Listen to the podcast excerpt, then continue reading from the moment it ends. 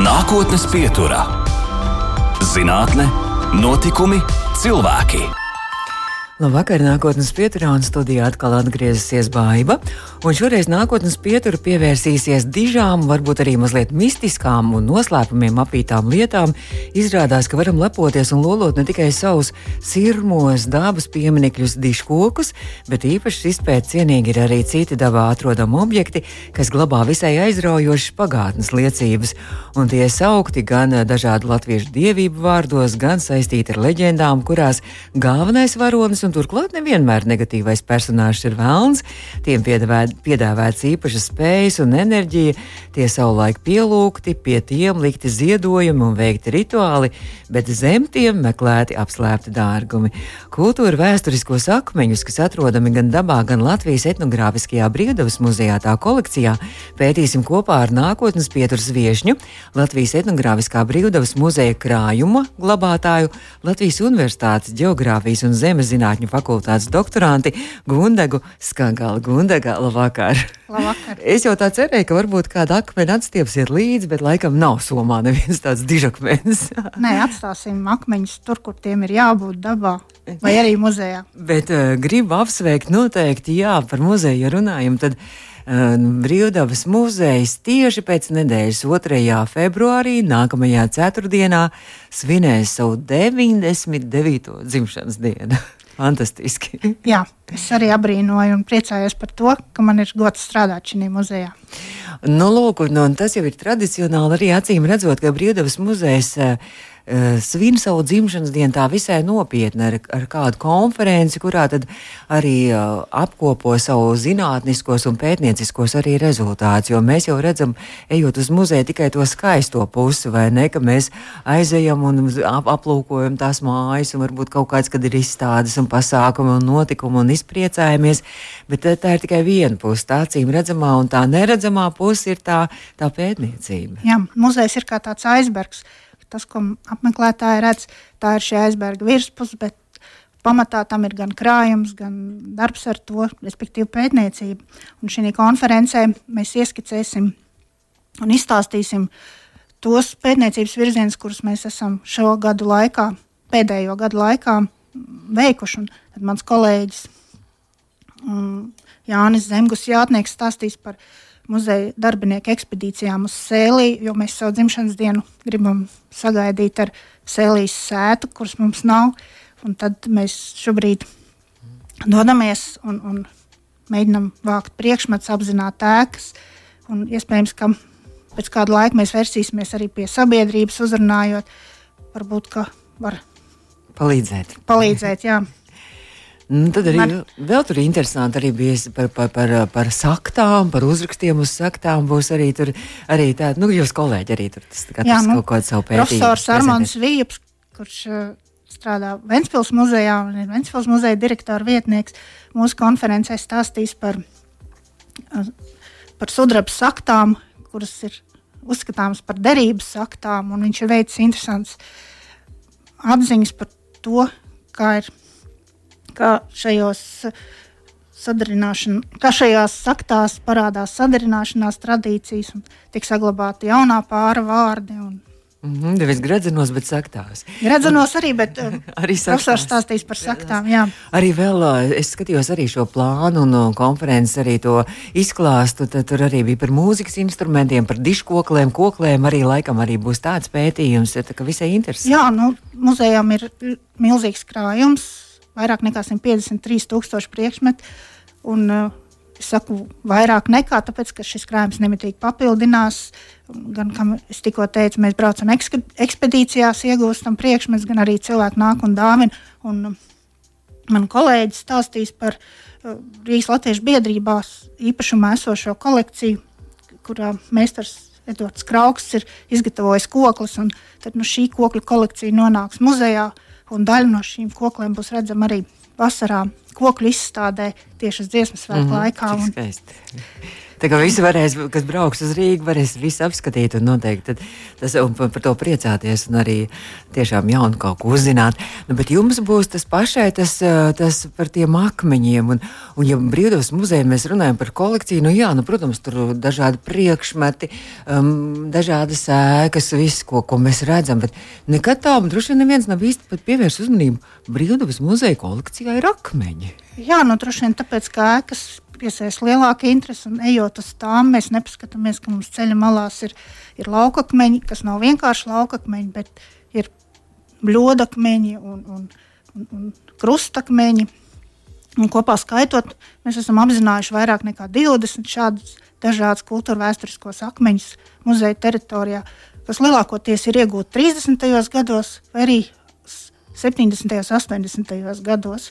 Bet un, kā jūs viņus iegūstat? Jums kāds viņus uh, atved, jūs kaut kur meklējat un pārvedat? Kā 30. Nu, gados pieminekļu valde un tās rīcībā esošie arheologi atved uz muzeju uh, vairākus laukakmeņus. Piemēram, Latvijas pusē nosusinot vienu no ezeriem, tika atrasts akmens ar, ar ar iespējams runu uzrakstiem, mm. un, un tie joprojām nav atšifrēti. Tad savulaik tika uzskatīts, ka tie ir seno latviešu raksti, citi atkal citas versijas izvirzīja. Un, savukārt no cēsu puses mums tika atvests unikāls krustakmens, kurā ir nevis tikai krusta, bet arī zirga figūra. Un tā, tā ir tikai puse no šī akmens. Iespējams, ka zirgam mugurā bija arī jātnieks, bet to mēs šobrīd nevaram pateikt. Tagad ir ļoti daudz noslēpumu, akmeņi nemaz tā neatklājas. Bet ko nozīmē krustakmens? Ja jūs sākāt jau par šo bļodakmeni, krustakmeni, krustakmens tas ir kā, kā krusts, kā tas kapos to, to novietoja. Jā, ir divi veidi krustakmeņi, ko mēs saucam par krustakmeņiem. Viena ir robeža akmeņi, tie ir tie akmeņi, kuros iezīmē krustu un norāda īpašumu robežas.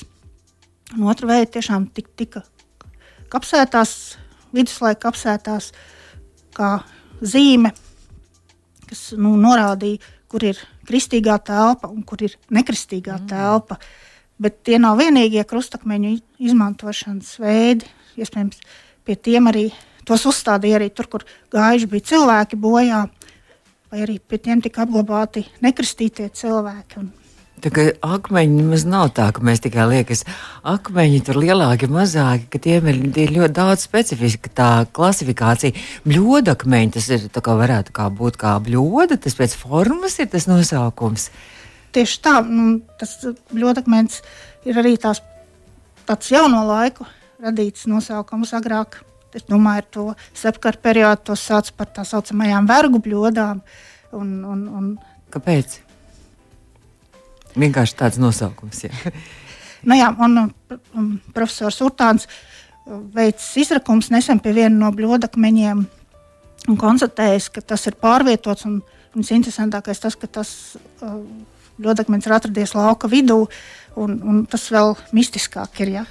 Nu, Citas versijas ir, ka tās ir saistītas ar kristuma trauki, citas, ka varbūt izmantotas kādās saimnieciskās darbībās. Uh, Tur vēl ir daudz izpētes jautājumu. Tie bļodakmeņi ir tie, kur arī eh, lasīja, kur kad, kad, ūdens, kas uzkrājas, ka tas ir dziedinošs un pie, īpaši spējas un spēks piemīt. Jā, bļodakmeņos, jā? jā, ne tikai bļodakmeņos, arī muldakmeņos. Un jebkur, uh, kur akmenī ir iedoba, kurā var uzkrāties ūdens, bieži vien ir šie narratīvi, šī folklora, kas uzskata, ka ar šo ūdeni izmazgājot acis, tās kļūst dzidrākas vai kādas vātes var ārstēt.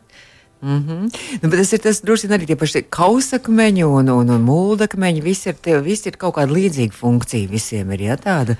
Nu, tās funkcijas jau mēs tā īstenībā nezinām. Un, un tā nosaukuma arī ir ļoti daudz un dažādi. Un bieži vien vienādas formas akmeņus mēs saucam atšķirīgos vārdos. Jo tā problēma pētniecībā ir tā, ka mēs līdz šim vairāk esam apzinājuši, kur tie laukakmeņi atrodas. Ar ko tad vizuāli tie atšķirās viens no otra, mazāk esam mēģinājuši pētīt kādiem nolūkiem, mm -hmm. tad tie ir lietoti un, un kurā laikā. Bet vai to vispār var izpētīt, vai to var, var, var kaut kur ir kādi materiāli, kaut kur arhīvos saglabājušies, vai kā to vispār var noskaidrot, jo akmeņi ir ļoti sēni. Kad vispār, mēs pirms rādījuma runājām, kā tie akmeņi ir nonākuši arī Latvijā. Tie laukakmeņi ir nu, nonākuši pie mums ar ledājiem no Skandināvijas puses. Un, un tie ir pamaz, pirms kādiem 15,000 gadu, un tad tie pamazām ir atsegušies ledājiem kustot. Un tā daudz joprojām, joprojām ir redzami ainavā. Un, un tiem kādos laikos ir bijušas kādas funkcijas un, un īpašības, bet tad atkal nav bijušas. Un, un, un tās liecības ir ļoti, ļoti maz, un tāpēc ir tik sarežģīti pētīt, jo ne jau vienmēr cilvēks. Ejot pie akmens un veicot kādus rituālus, tur ir atstājis kaut ko. Varbūt viņš ir vienkārši piegājis, padomājis, un tās domas jau mēs nevaram notvert. Mm. Ne tagad, ne tad. Un tāpēc ir tik sarežģīts šis šis pētniecības objekts. Jā. Vispār pasaulē tas ir populāri arī, arī akmeņu pētniecība, un daudz kur pasaulē to ir pievērsušies cilvēki, pētnieki, zinātnieki. Es domāju, ka nē. Tā ir, tā ir tāda šaura pētīta tēma, un tā nav populāra, jo ir, ir cits populārāks tēmas, kad radās lauksaimniecība, kad ienāca pirmais cilvēks, laukakmeņi, ņemot vērā, jebkura dabas objekta, arī kur, kur tiek izmantot kādos kulta rituālos, ņemot vērā to, ka tos ir sarežģīti pētīt, un tas arī nav pārāk populāri, nu, netiek ļoti pētīti. Mm -hmm. Es varētu minēt Poliju, kur ir vairāk pētījumu, Vācija, Francija, un Igaunija. Mm -hmm.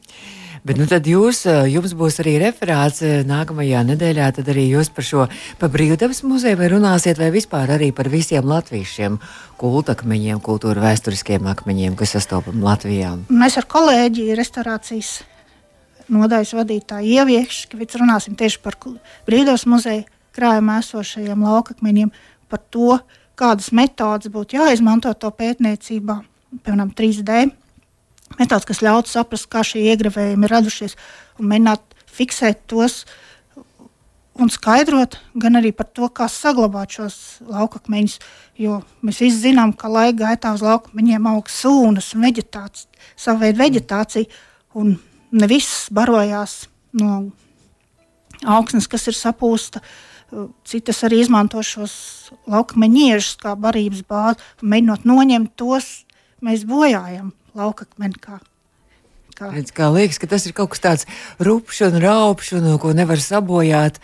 Bet redz, ka, ka tomēr. Uh, jā, un tieši, tieši tāpēc es gribēju teikt, jā, ka mēs mēģinājām atsekt šo iespējamo rūnakmeni no sūnām, lai varētu 3D modeli uztaisīt. Un, un sapratām, ka divu mēnešu laikā mums tas neizdevās. Šo akmeni mēs joprojām neesam atbrīvojuši no sūnām, lai gan mēs izmantojām uh, gan ķimikālijas, gan arī mehāniskas līdzekļus. Akmeņi, akmeņi joprojām ir diezgan laikam, noslēpumaini, un, un viņi nav gatavi dot ne savu informāciju, ne arī to, kas uz viņiem jau tur laika gaitā ir radījies. Es domāju, ka ar pacietību mēs to izdarīsim un, un ar, ar zinātnes palīdzību. Bet, nu, kāda tas ir gravēts arī latvieši, arī senie latvieši kaut kādā veidā ir kaut ko gravējuši akmeņos, vai tas ir? Visticamāk, jau nē, ka tas varētu būt atkal hipotēzes tikai tās ir. 19. gadsimta kādiem sekoja, mēģinot savā īpašumā iegūt kādus vēsturiskos objektus, un tad gan mākslīgās pilsdrupas tika radīts, gan arī iespējams mākslīgie runakmeņi. Uh. Bet tā ir hipotēze, protams. Tas ir viss interesanti, ka acīm redzot, tur, tur vēl tie, kas vēlas, kas vēlas nu, pievērsties šim virzienam, akmeņu pētniecībai, tā, tur vēl paveras ārkārtīgi plašs darbības lauks, acīm redzot, vai ne? Jūs arī esat pētījusi Daugavas kūtakmeņu, arī uh, to uh, rakstījusi par identifikāciju un arī interpretāciju un Mārtiņas sāls. Es paskatījos. Jā, Mārtiņ, Daugavas muzejā. Uh, ekspozīcijā ir trīs laukakmeņi, kas nav īpaši lieli, bet ir ļoti interesanti, tāpēc ka tie ir iegūti Mārtiņas salas izrakumos. Viens no tiem tiek interpretēts kā zirga galva, pie kur ir arī ziedojumi atrast, iespējamie ziedojumi. Un tad nu, es mēģināju ar trīs D modelēšanas palīdzību saprast, vai šie saucamā zirga galva ir dabiski radusies, vai to ir veidojis cilvēka roka. Un? Man bija grūti saskatīt šo zirga galvu arī, arī 3D modelī. Iespējams, tāpēc, ka atmosfēras iedarbībā laukakmens tomēr lēnām dēdē. Tas arī ir viens no tiem mm. iemesliem, kāpēc ir grūti muzejos uzturēt mm. laukakmeņus kā tādus apskates objektus. Tā kā nu, pētījumi turpinās. Jā, jā un, un īstenībā tā ir mūsu ļoti, arī viena no ļoti lielām mūsu vērtībām, vai ne dabas vērtībām. Arī. Jā, un varbūt nevienmēr tur ir jūtamas kādas enerģijas. Par to mēs jau parunāsim. parunāsim. Šobrīd uh, Latvijas Universitātes Geogrāfijas un Zemezinātņu fakultātes doktorante, arī Latvijas etnogrāfiskā brīvdabas muzeja krājuma glabātāja Gundaga Skagala ir mūsu viešņu. Nākotnes pieturā. Mēs turpinām nākotnes pieturu šo raidījumu. Pēc tam varat noklausīties arī mūsu mājaslapā, audio saitē un arī podkāstos lielākajās vietnēs. Latvijas etnogrāfiskā brīvdabas muzeja pētniece un krājuma glabātāja Gundaga Skagala šobrīd ir mūsu nākotnes pieturas viešņa. Un Gundaga tad jau mums droši vien jāsāk jāturpina arī par tām ekspedīcijām un tiem arheoloģiskiem pētījumiem. Bet es gribēju vēl pavaicāt tikai vienu jautājumu pirms tam. Kā ir akmeņi, kuri arī ir dabūjuši nosaukumu un galvenokārt jo ļoti daudz ar vēlnu ir saistīti. Ja tur ir vēlna akmens, vēlna skroders, vēlna pēdas akmens, vēlna nakts, vēlna gulta. Nu, kā tie akmeņi, tie, kā viņi dabūtos nosaukums? Ne jau pētnieki viņiem dotos nosaukums. Bieži vien tos nosaukums iedod tie, kas apzina šos laukakmeņus un mēģina savākt kāds nostāstus. Bieži vien nosaukums iedod pēc tuvējās mājas, tradicionāli kāds notiek arheoloģijā ar senvietām. Mm -hmm. un, un Bieži vien arī cilvēki atcerās, un vēlams tik tiešām ir viens no biežāk izmantotajiem nosaukumiem akmenim, un to arī uzskata ne tikai Latvijā, bet arī Lietuvā un Igaunijā. Oh, oh, tā kā mēs Baltijas valsts visi esam kaut kur vienā. Jautājums, kad šis nosaukums, šis vēlna vārds ir cēlies nosaukumā, jo iespējams to akmeni pirms tam sauca citā vārdā, vai vispār nesauca vārdā, sauc tas lielais spēlēkais vai rozā, vai tas apaļais milzis. Un, un, Tas, tur, tur atkal folkloras pētniekiem laikam arī laucīši varētu arī pievienoties. Jā, šie, šie narratīvi slēp ļoti interesantu informāciju, un, un tie gan pastāsta, kādi šie akmeņi ir izskatījušies, pie kuriem ir kādas noteiktas darbības notikušas, gan arī kur tie ir atradušies, piemēram, dziļā mežā, kas nebūtu jāsaprot burtiski kā dziļš mežs, bet gan kā tāda tumša aizaugusi pagāniska vieta. Uh, gan arī auguru virspusē, kas ir atkal sakrīt ar to, kā ir abadījuma vietas ierīkots. Tās arī rīkojas sausos grāns kalniņos un, un Bet arī ar, ar akmeņiem jau arī ļoti daudz šīs leģendas, un ar šiem nosaukumiem arī visādas ir vēlnu, visādas leģendas tur ir saistīts. Un arī viens no šiem akmeņiem arī ar vēlnu vārdu saistīts, kur jūs arī esat īpaši popas pusē Vēnspils nodā arī pētījusi, ja? un ekspedīcija bija. Ja? Jā, tas ir stāsts par griežu vēlnu beņķi, kur 2019. gadā pēc profesora Armānda Vija iniciatīvas mēs veicām izrakumus, lai konstatētu, vai šis akmens ir bijis iesaistīts kādās rituālās darbībās vai nē. Jo par šo akmeni ir, lai cik tas dīvaini neizklausītos, ir tikai divi vai trīs nostāsti saglabājušies. Un šie nostāsti ir visticamāk modernajos laikos tapuši. Bet tādi pozitīvi, ja tie bija, tur bija tas labais vēlns, jā? Un tas esot bijis robeža akmens, kur vēlns sēdējis un, un, un, un, un, un ar skatījies, lai vietējie iedzīvotāji nekurš savā kurš ir līdzīgs. Tas ir viens, jā? un otrs tur bija arī ragana kaut kur netālu purvā, kur tur lidojas pāri un, un atteikuši šim vēlnam. Tas arī bija dusmīgs. Un, bet, um, jā, nu, tad 19. gadā mēs veicām izrakumus. Bet kā ap, ap, ap akmeni jūs rokat? Jā? Ne, mēs ne jau zem. Jūs zem, zem akmens meklējat tās bagātības, tā kā jūs arī kaut kā līdzīgi ietu. Nē, nē, nē, mēs tā nē. Jo pirmkārt, šis akmens ir ļoti liels. Tas ir viens no lielākajiem Latvijas dižakmeņiem. Un otrkārt, arheologi neveic visas kādas vietas arheoloģisko izpēti, jo tās pētniecības metodas attīstās. Pēc kāda laika tās būs daudz modernākas un varēs izstāstīt daudz vairāk. Līdz ar to mums ir jāatstāj kāda vieta arī neskarta. Mēs iezīmējām izrakuma laukuma 5x3 metri. metri tieši laukakmens priekšpusē. Centimetru pa centimetru ar mazām māksliņām cīnoties ar koku saknēm, jo tas laukakmens ir mežā. Mēģinājām saprast, kas tur ir. Iezīmējās gan ugunskura vieta, gan visinteresantākais akmeņu sakrāvums, ko bija likuši cilvēki. Zem, zem zemē tā bija tas akmeņš. Nē, nē, tas Ah. bija, Mhm. Blakus kur. akmens. Jā. Un šajos cilvēku liktajos akmeņos mēs konstatējām arī vairākas saktas, kas ir izmantotas, kas tiek datētas ar 16. gadsimta beigām un 17. gadsimta sākumu. Tas pašs derības sakts, ko mēs Aha. tikko stāstījām, kāds mm mums arī būs profesora Viepa referāts. Bet tas nozīmē, ka, ka tas nu, akmens arī bija kā tāds nu, pielūgsmes objekts, kā, kā, kā vieta, kur atstāts ziedojums, kā kulta vieta. Ja? Tas nozīmē, ka varbūt atstāja tur tās saktas kā ziedojums. Varbūt, jā, varbūt nē. To mēs pagaidām vēl Arī nezinām. nezinu. Nē, to mēs, mēs, mēs varam izteikt hipotēzi, bet mēs to nevaram pagaidām pierādīt. Un jūs savstarpēji strīdaties arī, ja joprojām. Ja? Jā, bet kas ir interesanti, mēs pie šī laukakmens atradām arī 87 monētas, kas ir kaltas 20. un 21. gadsimtā. Mūsdienās. Tieši tā. teikt.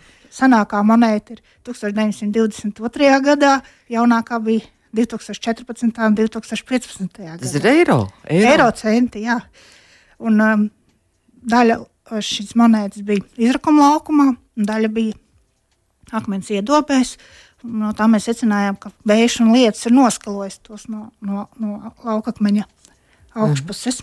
Tas nozīmē, ka kaut kāds rituāls eh, tiek veikts, eh, vai kaut ko tic eh, cilvēki, vai lūdz akmenim kaut ko, vai, vai, vai ar ko tas varētu būt saistīts. Tas monētas visbiežāk ir atrodams arī pie citiem laukakmeņiem. Ja mēs redzam, ejam, tad mēs bieži vien ieraugam, ka īpaši tos laukakmeņus, kurus apmeklē turisti, ka tur ir kāda monētiņa atstāta. Un veicot arī uh, pie grīža vēlnbeņķa atrastā monētu analīzi, mēs konstatējām, ka tās lielākoties ir atstājuši Latvijas iedzīvotāji. Bet ne tikai. Visticamāk, ka tās ir arī no Itālijas, Francijas, Turisti. Vācijas jā, un Lietuvas. Oh. Un, salīdzinot ar turismu plūsmu, Vents, ar Ventspils ostu, mēs konstatējam, ka tur ir zināma saistība manāma. Jo arī, teiksim, pie viena cita akmens, kas ir pie Igaunijas robežas, tur atkal dominēja tieši Igaunijas centu monētas. Mm. Mhm. Tā kā acīm redzot, cilvēkiem, cilvēkiem ir tā kaut kāda. Ā, Tā, tā doma, cilvēkiem ir tā ticība, ka kaut kas acīm redzot saistīts ar tām leģendām. Varbūt tas ir viens, varbūt ir otrs, ko mēs runājām, ka, ka mēs arī metam daudz, kur, kur aizbraucam pasaulē strūklakās, mēs metam monētas. Jā, un Varbūt kāpēc, un kāpēc mēs to darām? Viens to dara, lai atgrieztos, otrs. Bet, ja nu nostrādā, ja nu tiešām nes veiksmi, tā kā kaut kādi. Kaut kas mums zemapziņā droši vien ir saglabājies no senajiem rituāliem. Mēs tos veicam, pat neapzinoties, kāpēc. Tā kā jā, par akmeņiem runājot, bet arī jūs teicāt, ka, ka šis uh, popes, uh, vēl, vēlna beņķis, jā, bija vēlna beņķis, ka viņš ir arī uh, viņš ir dzemdētāju akmens. Ko tas nozīmē? Iespējams. Hipotēze atkal, jā. Jā, man patīk, ka jūs lietojat vārdu hipotēze. Tāpēc, ka Es jau tā tik- iemācījos, ka laikam par akmeņiem runājot, viss ir jārunā tikai hipotēzēs. Jā, jo nu, to ir, ir grūti pierādīt. Bet uh, tas varētu būt viens no šī uh, grīža vēlnbeņķa izmantojum, izmantojumiem kaut kādā laika periodā, par ko varētu liecināt šīs saktas. Mm, Gan arī tas, mm, ka tur netālu pie popas mūžas arī laukakmens, kur tik tiešām sauc par dzemdētāju akmeni vietējie iedzīvotāji. Bet ko tas nozīmē? Tas visticamāk ir modernajos laikos, tas 20. gadsimta beigās radies stāsts. Uh, Latvijā ir kaut kādi pieci dzemdētāji akmeņi, ieskaitot vienu pokaņu mežā. Un tie visticamāk ir radušies laikā, kad, kad tāds akmeņu entuziasts vīks apceļoja tos un tad stāstīja, ka sievietēm tur ir vieglāk dzemdēt. Tad mēs ar kolēģi devāmies ekspedīcijā apzināt šos akmeņus, redzēt, kā tie izskatās, mēģināt kādus nostāstus, fiksēt arī. Izmantojām arī sociālos tīklus, aicinot cilvēkus atsaukties, vai kad viņi ir devušies šajās ekspedīcijās pie šiem zemdētāju akmeņiem. Varbūt kādam ir kāds cits stāsts, kas saistīts ar to. Un, jā, nu, tas arī pagaidām ir tāds hipotētisks. Bet tas nozīmē, ka jums, jums nav vienkārši un nav viegli. Jums jāmēģina atsijāt tās pelavas no graudiem, tā zinātne, no tiem visām varbūtībām un no leģendām un viss, kas ir apvīts. Un, un jāmēģina tad atrast arī tas, tas zinātnes kodols, acīm redzot. Jā. Nu, jā, mēs jau nevaram pateikt, ka teiksim, cilvēku kopu, kur uzskata, ka kāds laukmens, piemēram, nu rada kādu enerģiju vai, vai kā citādi iedarbojas, ka viņi nodarbojas ar blēņām, jo, mm. jo viņi tiešām tam tic. Un, un tas nav svarīgi, vai tas ir 21. gadsimts, 19. vai 17. kā izrādās, ir kaut kādas lietas, un, un tāpēc arī ir tik grūti mm -hmm. to mhm. pētīt, jo, jo tad, kad nav rakstības, tad, tad tad arī nav nekāda cita liecība. Un par to, kas notiek mūsdienās, mēs arī faktiski uzzinām tikai tāpēc, ka ir piefiksēts rakstiski vai nu kādās intervijās, vai radio, vai televīzijā. Mm, tā, kā, tā kā ļoti joprojām neizpētīta un ļoti interesanta eh, zinātnes nozare. Nākotnes pieturā - zinātne, notikumi, cilvēki. Jā, zinātnē un notikumi un cilvēki. Gundagas Kagale, Latvijas Universitātes Geogrāfijas un Zemes zinātņu fakultātes doktorāta, arī Latvijas etnogrāfiskā brīvdos muzeja krājuma glabātāja mūsu studijā. Par tiem akmeņiem mēs tā runājam, tā, tā romantiski un tik skaisti viss tas liekas, bet Gundag, tas zinātnieka darbs jau arī ir laboratorijā, arī ar mikroskopu un visu, ko jūs droši vien arī tur sēžat un ilgas stundas pavadat. Jā, jā tieši tā. Jo, um, saprotot to, ka ar tradicionālajām vēstures metodēm es atbildu uz jautājumiem, kāpēc laukakmeņi ir izmantoti un kā tie ir izmantoti, īsti nevar iegūt.